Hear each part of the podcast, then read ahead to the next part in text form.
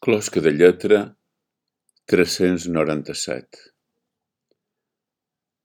de sentits. No vull escoltar els cants de sirena del desordres i els paranys de la memòria.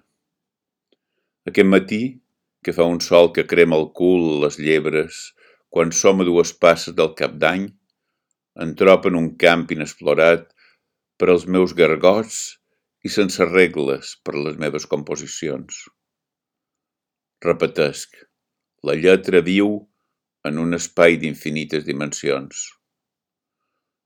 Dóna'm bé aquesta dèria que m'obsessiona fa temps. Frases curtes, poques paraules, mots senzills i una mala fi de silencis. Intent, sempre seguit, fer un impossible, donar veu al silenci.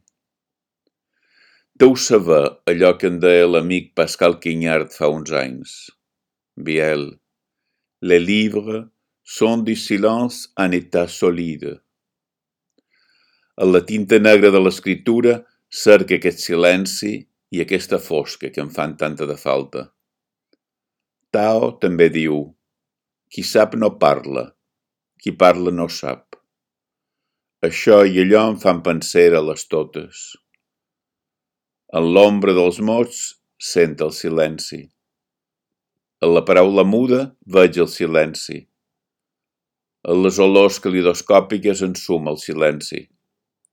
En el ritme respiratori i en la rítmia cardíaca visc el silenci. En els ulls que s'encenen sent el silenci en les mans que es mouen acarona el silenci. En l'escolta de l'altre aprenc el silenci. A la sonoritat de la música apareix el negatiu del silenci. En un significant sense significat se'n fa present el silenci.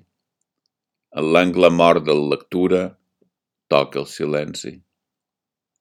I també aprenc que la lectura és un interdit, literalment i en tots els sentits.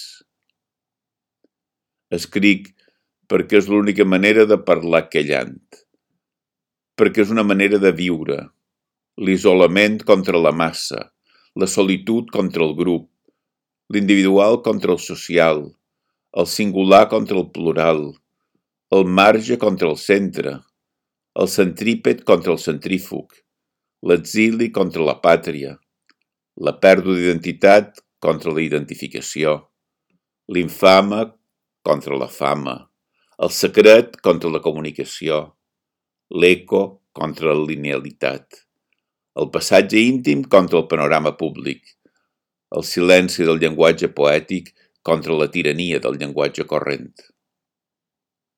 Caf i escaf, la llengua materna, per trobar-hi una altra llengua, la literatura.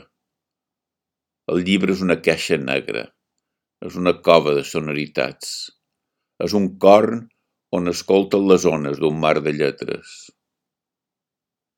L'odida i veu, el cervell xifra els signes muts, neix el pensament. Cull dels ulls, recull de l'oïda, neix la lectura.